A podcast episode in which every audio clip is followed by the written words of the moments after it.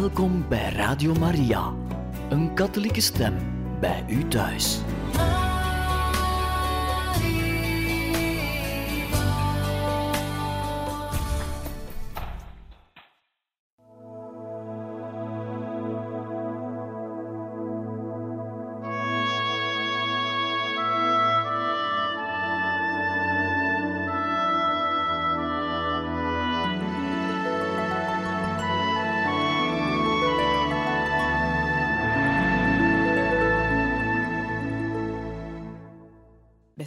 Luisteraars van Radio Maria, hartelijk welkom in dit programma Heilige Getuigen, waar wij verder gaan met de lezing uit het boek De Wenende Maagd van La geschreven door eerwaarde heer de Vleeschouwer. We waren gekomen bij hoofdstuk 11, actuele betekenis van de boodschap, bij het onderwerp eenvoud en liefde. Met dit onderwerp waren we reeds begonnen en gaan we nu verder. De La Salette wil onze lieve vrouw onze verloren vrijheid herstellen. Daarom begint ze haar boodschap met de woorden: Indien mijn volk zich niet wil onderwerpen. Ze smeekt om kinderlijk eenvoudige en volledige onderwerping aan Gods heilige wil. Daarin alleen ligt onze redding. Zo dit niet gebeurt, voorspelt ze geweldige rampen. Maar die kunnen nog vermeden worden. Het enige afdoende en radicaal geneesmiddel is de volledige onderwerping. Dit zal ze verder aan de kinderen uiteenzetten. Kijken we goed uit onze ogen, om zo de vijand beter te kennen en dus gemakkelijker te kunnen aanvallen en overwinnen. Over gans het heiligdom vindt men die stempel van eenvoud. De plaats van de verschijning heeft men zo sober mogelijk in haar originele toestand bewaard. Zonder opvallend uiterlijk vertoon staan de beelden daar in het gras, door een ijzeren omheining gevrijwaard, tegen de al te vurige devotie van sommige al te devote pelgrims. De basiliek spreekt van stemmige eenvoud, zowel in zijn lijnen als in de meubilering. Iedere pelgrim die het heilige bergte bezoekt, vindt er een vriendelijk en gezellig onthaal in het gasthuis van het klooster. Hier ook is alles eenvoud. In de ruime, geel-wit gekalkte eetzalen staan lange rijen tafels proper en net, zonder luxe. Aan tafel heerst de geest van eenvoud, broederlijkheid en gezelligheid tussen de pelgrims, ook al zijn ze van de meest verschillende naties. De sobere, maar ruim voldoende eetmalen herinneren aan de agapen van de eerste christenen. Even ordentelijk, eenvoudig en net zijn de kamers en de slaapzalen, waar iedere bedevaarder instaat voor het gewoon onderhoud. Wie er het comfort van een hotel zoekt, komt er bedrogen uit. Daarom juist behoort La Salette niet tot het terrein van de nieuwsgierige toerist, maar wel tot het terrein van de biddende pelgrim. Over gans het gebergte zweeft een geest van gebed en boete. Buiten het heiligdom vindt men enkel Gods vrije, heerlijke Alpennatuur. Geen huis, noch winkel, noch bioscoop, noch ontspanning. Alles spreekt hier van stemmige eenvoud en ligt duidelijk in de lijn van de zo gewichtige zending van de hemelse gezanten. Vijfde onderwerp: Maria en de zondaars. Als men rekening houdt met de talrijke verschijningen van onze lieve vrouw over de wereld, vraagt men zich af waarom Maria zich zozeer om de mensen bekommert. Die bijzondere kommer vindt zijn reden in onze bittere nood, waardoor haar tedere moederliefde zich genoodzaakt voelt om een reddende hand uit te strekken. Toen ze in de ravijn van de Cesia neerdaalde, wierp ze zich uit louter medelijden volop in de strijd tegen de zonde. De zonde, enkel en alleen de zonde, is de enige reden van haar barmhartige tussenkomst. Om de diepe betekenis van de verschijning van de Heilige Maagd beter te begrijpen, moeten we de zonde durven bekijken in haar schrikwekkende en concrete werkelijkheid. Want het is zij die de straffende arm van God over ons heeft afgeroepen. De straffende arm van God, zo zwaar dat de Heilige Maagd hem niet langer kan tegenhouden.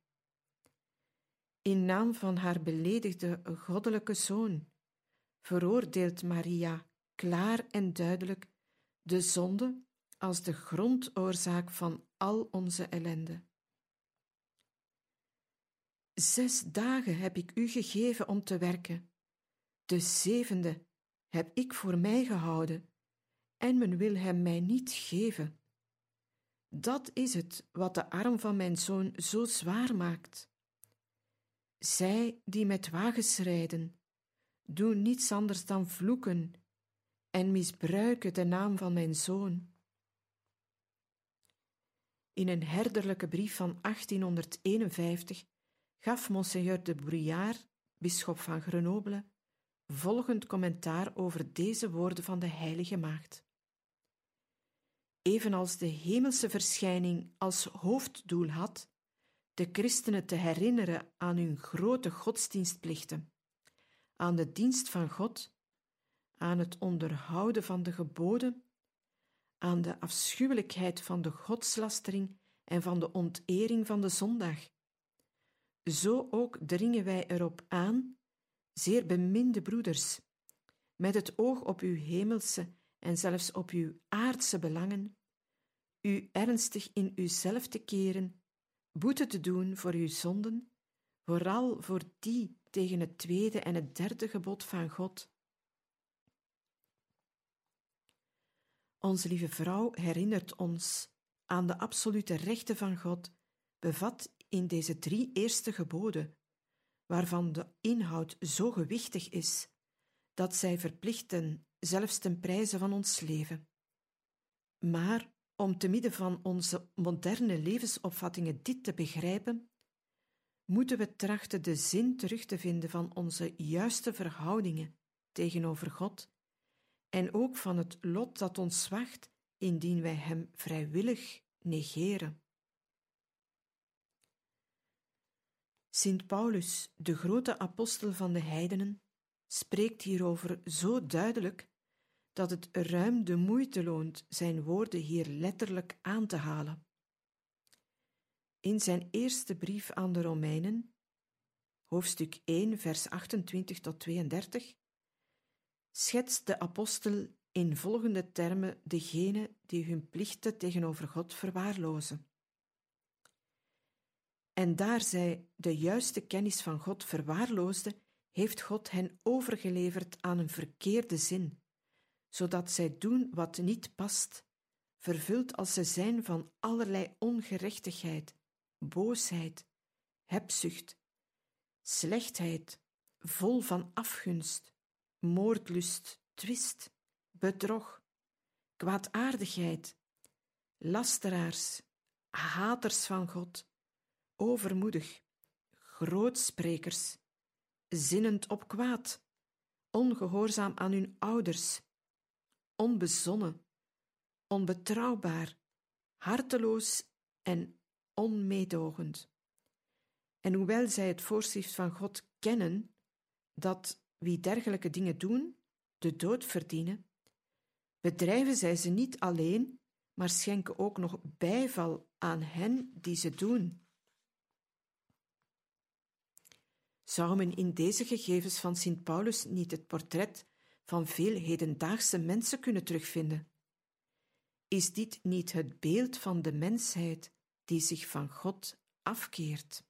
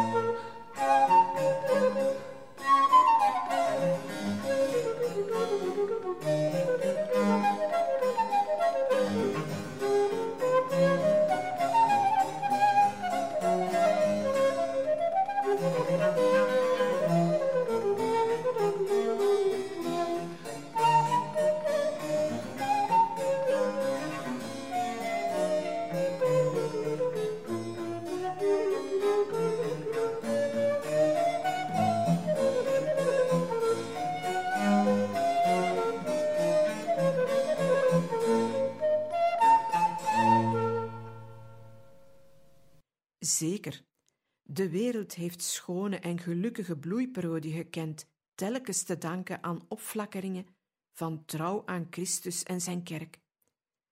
Maar helaas, naarmate deze gelukkige tijden verzwonden, steeg de morele en materiële ellende bij het volk.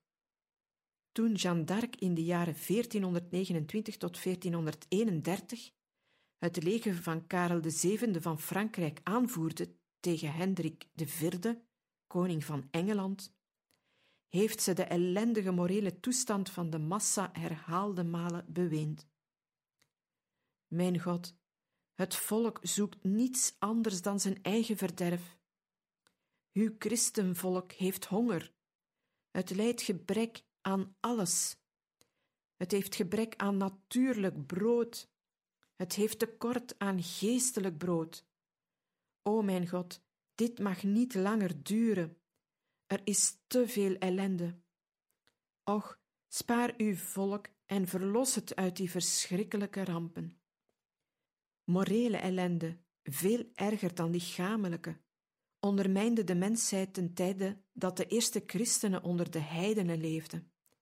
Daarover getuigt Sint Paulus. Morele ellende tijdens de middeleeuwen, daarover getuigt Jeanne d'Arc. En thans onze huidige ellende. Wie zal daarover getuigenis afleggen? Helderziende tijdgenoten spreken erover in zeer concrete bewoordingen. O God, als Gij er niet intussen komt, als Gij niet in uw volk komt wonen, is het in staat alle kwaad, zelfs het ergste te bedrijven naar believen. Wij hebben God niet in ons laten wonen, harteloos hebben wij Hem buitengejaagd uit ons persoonlijk leven en ook uit de maatschappij. In schijn van vrijheid bedreven wij toen alle kwaad naar believen, en thans beleven wij daarvan de rampzalige gevolgen. Op het ogenblik dat onze lieve vrouw ons te La Salette aan de rechten van God kwam herinneren, waren we in feite slaven van de rechten van de mens. Slogans vooropgesteld door de Franse Revolutie. Met de aarde hebben we genoeg. Het hemelrijk laten we aan de mussen, was het kenmerk van de toenmalige tijdsgeest. Het laïcisme, ontstaan uit de revolutie, leidde langs twee gelijklopende wegen tot het brutaal atheïsme, dat God en het bovennatuurlijke volledig uitschakelt, en tot het materialisme dat alle menselijke vrijheid sloopt. Onbekommerd om Gods elementairste wetten, maar hoog oplopend met de eigen menselijke rechten zonder plichten, begint men met vooreerst de erfzonde en haar gevolgen te vergeten, om die nadien kordaat te logenen. Zelf voldaan heeft de mens genoeg met zichzelf. Meer nog, hij wil zichzelf verheffen tot een ubermens, in afwachting van het uberras. In het begin zal hij nog een schijn van godsdienstigheid aannemen, waarachter hij de woorden plicht en broederlijkheid zorgvuldig schuilhoudt woorden zonder betekenis, want het geestelijke, evenals het hiernamaals, is er ten volle uitgeschakeld. Alleen het aardsgeluk en het genot zijn nog van tel, terwijl de gedachte van plicht een hersenschim wordt.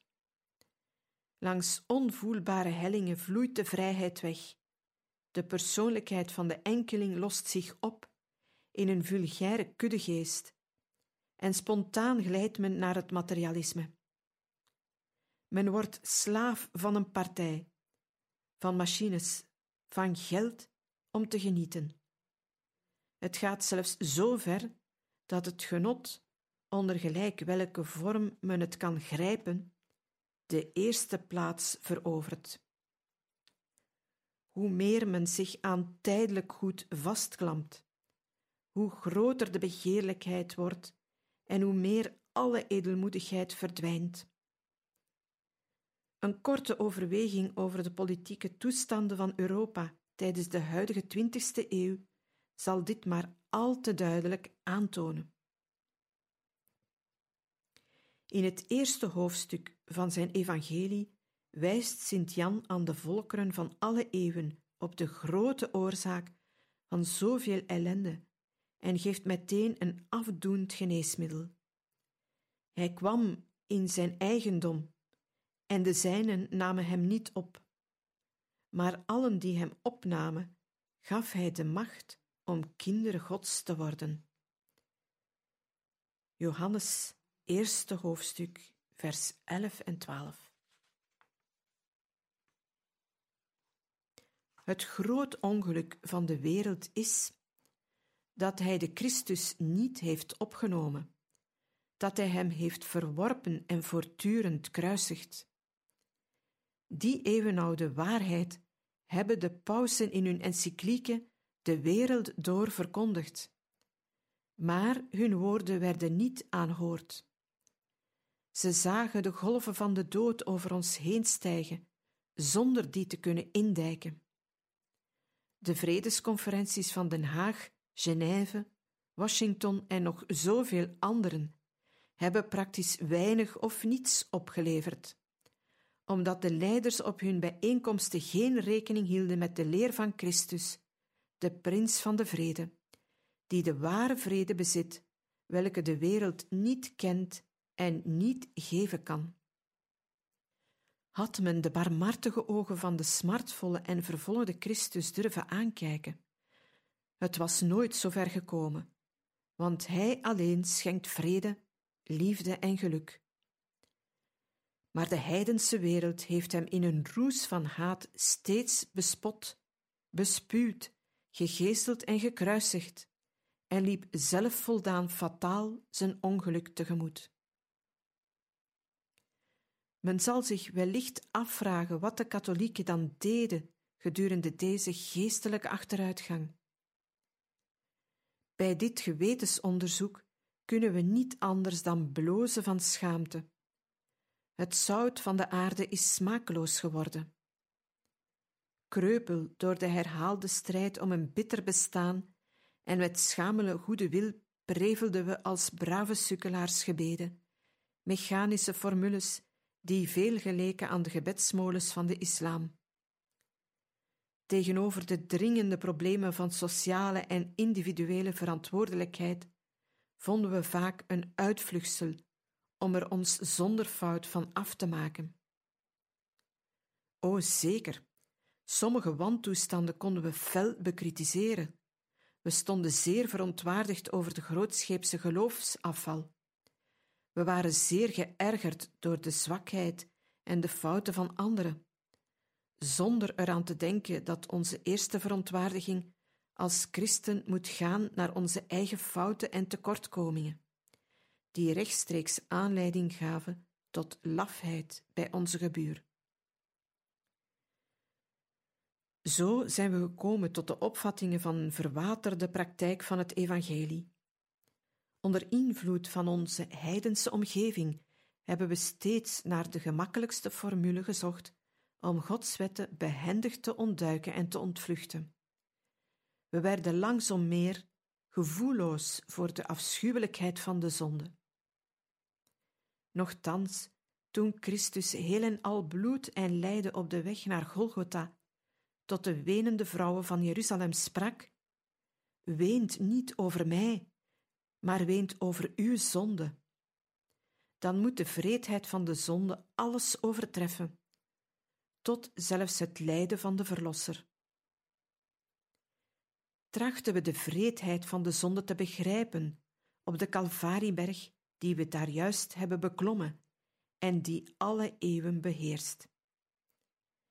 Is dat soms de eerste reden niet van de tranen en de droefheid van onze lieve vrouw de La Salette en van haar dringende beden om onderwerping, gebed en boete? Willen we tot ons heil geraken? De zonde schijnt meer een inbreuk op het verkeersreglement naar de hemel dan wat ze in werkelijkheid is.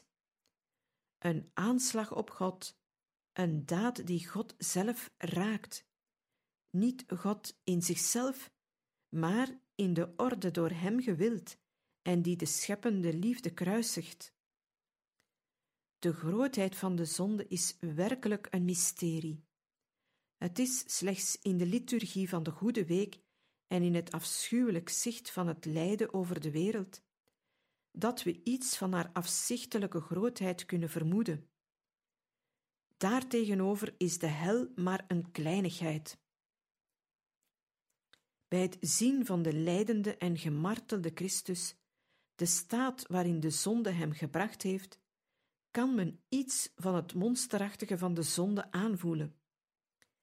Bekijk enkele ogenblikken van dichtbij Christus op zijn kruis, uiterlijk ontdaan van zijn godheid en mensheid, mateloos gepijnigd, onmenselijk gefolterd en eindeloos vernederd. Dat is de losprijs voor de zonde. De zonde, ze is de moordenares van de zielen, de moordenares van volkeren die verdwijnen wanneer hun geestelijke waarden ten onder gaan. Mensen bij wie het geweten is afgestompt, die niet meer reageren op de zonde, zijn geestelijk reeds aan het ontaarden en worden veel erger dan wilde dieren. Duidelijke bewijzen daarvan vinden we in de onmenselijke martelie en de verschrikkelijke massamoorden van zoveel weerloze onschuldigen in de concentratiekampen tijdens de laatste oorlog. Mensen zonder God en zonder geweten zijn in staat tot de meest onmenselijke gruweldaden. De lichamelijke dood schrikt ons af, maar de zielendood is veel rampzaliger, zowel in zijn wezen als in zijn gevolgen. De lichamelijke dood schrikt ons af, maar de zielendood is veel rampzaliger, zowel in zijn wezen als in zijn gevolgen. Maria kan niet langer toezien dat haar kinderen bewusteloos de afgrond inlopen. Zoals de weduwe van Naim volgt ze wenend die droevige lijkstoet. Ze kan de straffende arm van haar vertorende goddelijke zoon niet langer meer tegenhouden. In tranen en droefheid daalde ze op aarde neer om haar opstandige kinderen tot het bewustzijn terug te brengen. Opstandigheid en onderwerping. We hebben getracht min of meer een gedachte te geven over de wanorde die de zielen omwoelt, wanneer zij de rechten van God opzij schuiven om de zogenaamde rechten van de mens voorop te stellen. Het is daarover dat onze lieve vrouw te La Salette zo bitter kwam klagen. Haar verschijning is een duidelijke aanklacht tegen de zonde, die toen, evenals nu, de hemel uitdaagt en tergt. Immers, de morele toestand van het volk, zowel bij ons als elders, kan op volgende wijze worden geschetst. Een geest van opstandigheid tegen God, godslasteringen, ontheiliging van de zondagen, afschuw van de versterving, spotten met onthouding, vasten en boete, daarbij een overdreven jacht naar genot en plezier, met als gevolg private en openbare zedeloosheid. Het was in zulke omstandigheden dat de heilige Johannes Vianney door de bisschop als pastoor naar Ars werd gestuurd, om daar wat meer liefde voor God in de zielen te brengen. Want de roes van de drank, zedeloosheid en onverschilligheid vierden er hoogtij. Overal vond men diezelfde godsdienstige onverschilligheid die op veel plaatsen vaak in venijnige haat omsloeg. De zin voor het bovennatuurlijke was totaal verloren gegaan. Louter materiële belangen slorpten de aandacht van het volk volledig op. God en godsdienst werden heel en al verwaarloosd, om niet te zeggen veracht. En sedert meer dan honderd jaar heeft de massa er nooit aan gedacht die wantoestanden te herstellen, maar steeds dieper en dieper strompelde ze voortgestuwd door de laagste driften, fataal naar de afgrond, waardoor het individueel, familiaal en sociaal leven volledig was verpest. De morele gezondheid en de grootheid van een volk hangt af van zijn algemene godsdienstige overtuiging. Dit geldt voor de maatschappij evenals voor de enkeling. Wanneer de massa haar godsdienstzin verliest, begint het privaat leven te kwijnen aan de bron. Als een verarmd bloed voert de onverschilligheid de ziektekiemen in zich, waardoor alle energie stelselmatig wordt lamgelegd. Die geest van totale onverschilligheid zegevierde over groot en klein en werd de grote plaag van de tijd. Op die pijnlijke toestand zinspeelde te La Salette de heilige maagd in tranen en droefheid. Sedert de tijd dat ik voor u lijd. En gij bekommert er u niet in het minst om.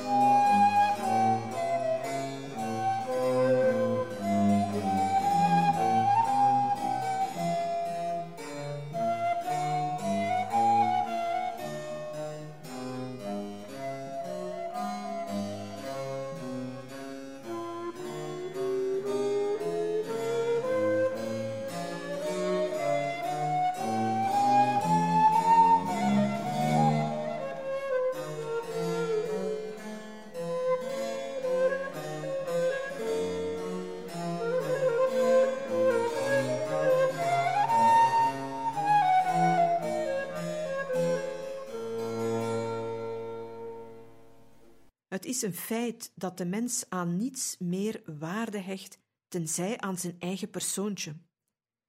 In deze atmosfeer van algemene onverschilligheid begon iedereen stilaan te huilen met de wolven in het bos. Zo verlamde alle persoonlijke activiteit en wilskracht, terwijl de zedeloosheid ruim veld won. Het is dus niet te verwonderen zoveel jeugdige misdadigers te zien zoveel mannen die stelen en roven, zoveel vrouwen die gans schaamteloos zulke losbandigheid tentoonspreiden dat zelfs sommige heidenen ervoor blozen. Daarbij won die zedeloosheid nog vastere vorm door de zucht naar onafhankelijkheid, opstandigheid en een niet te verzadigen nood aan materieel genot. En dat alles vond voedsel bij de vleet en werd bekoorlijk uiteengezet in pers, radio, theater en bioscoop. De evangelische armoede, gehoorzaamheid en zuiverheid aanzag men als loutere komedie en pure verbeelding. Die toestand van losbandigheid bracht nogthans geen innig geluk, maar wel veel huichelarij, die als een somber doek over de roes van plezier werd heengeworpen. Als oude mensen was de jeugd van rond de twintig reeds versleten. Ze had genoten, gedronken en was uitgeleefd. Ze had van het leven tot het uiterste geprofiteerd, en toch bleef ze onvoldaan. Oprecht geluk en innige vrede kende ze niet. Datzelfde was gebeurd met een heilige Augustinus. Hij ook was eens op jacht naar plezier en genot. Maar hij had een moeder die kon bidden en boeten, en die daardoor zijn terugkeer tot het ware geluk kon bewerken. Veel van onze eigen moeders daarentegen verspreiden de verderfelijke tijdsgeest in hun eigen huiskring, in plaats van er met alle geweld tegenin te gaan. Diezelfde plaag ontredderde gans de sociale ladder van de maatschappij. In één woord, men kwam tot de verheerlijking van het egoïsme, en daarin ligt de samenvatting van onze actuele ellende. Het gezinsleven vergroeide op veel plaatsen tot een bron van allerlei kwaad. Het vraagstuk van de zending van de vrouw, dat verkeerd werd opgelost, bracht het gezin aan het wankelen. Onder voorwendsel dat er in de maatschappij een ganse ommekeer had plaatsgehad, beweerde men de natuur en de zending van de vrouw te veranderen. In de strijd om het dagelijks bestaan heeft men haar gemaakt, niet meer tot de bondgenote van de man, maar wel tot zijn concurrente. Haar taak als moeder van het gezin scheen minder waardig tegenover de roep naar buiten. Vandaar trok ze het huis uit op zoek naar loon en naar ontspanning. Het gezinsleven leed er vaak schipbreuk door.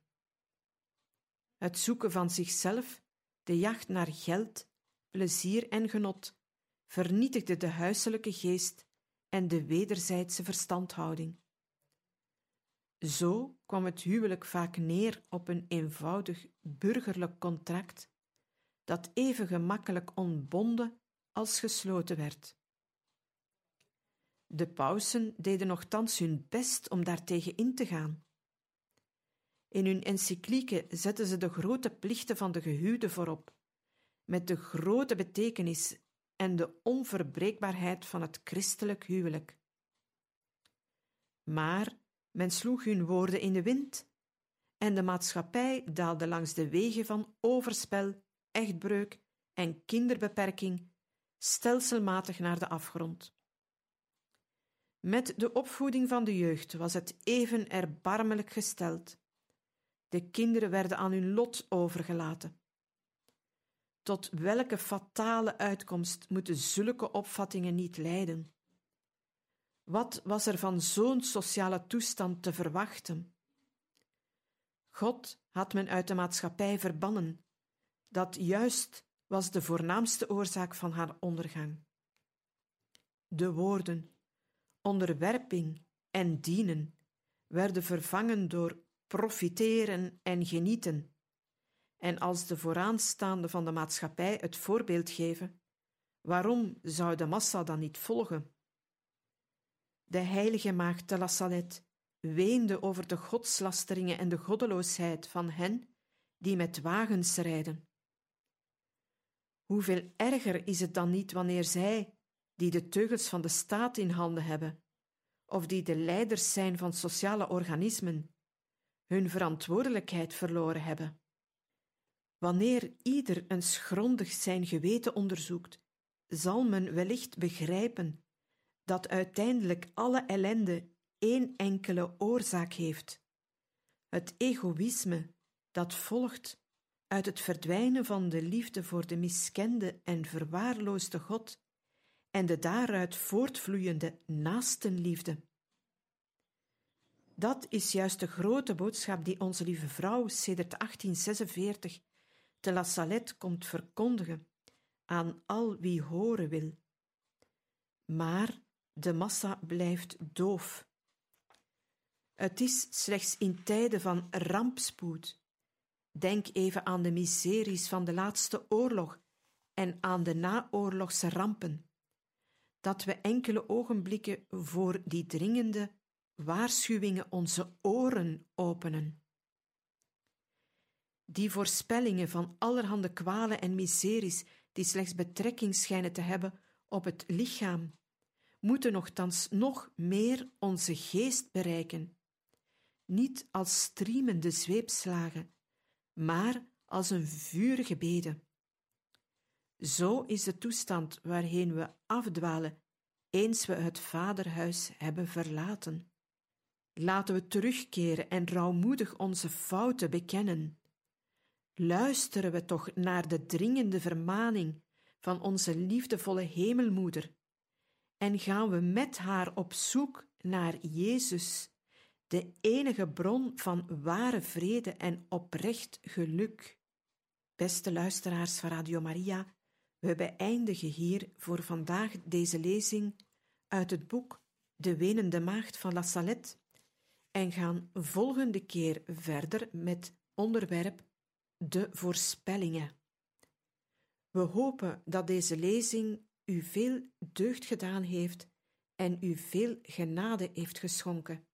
Wensen u nog een gezegende avond toe en tot een volgende keer.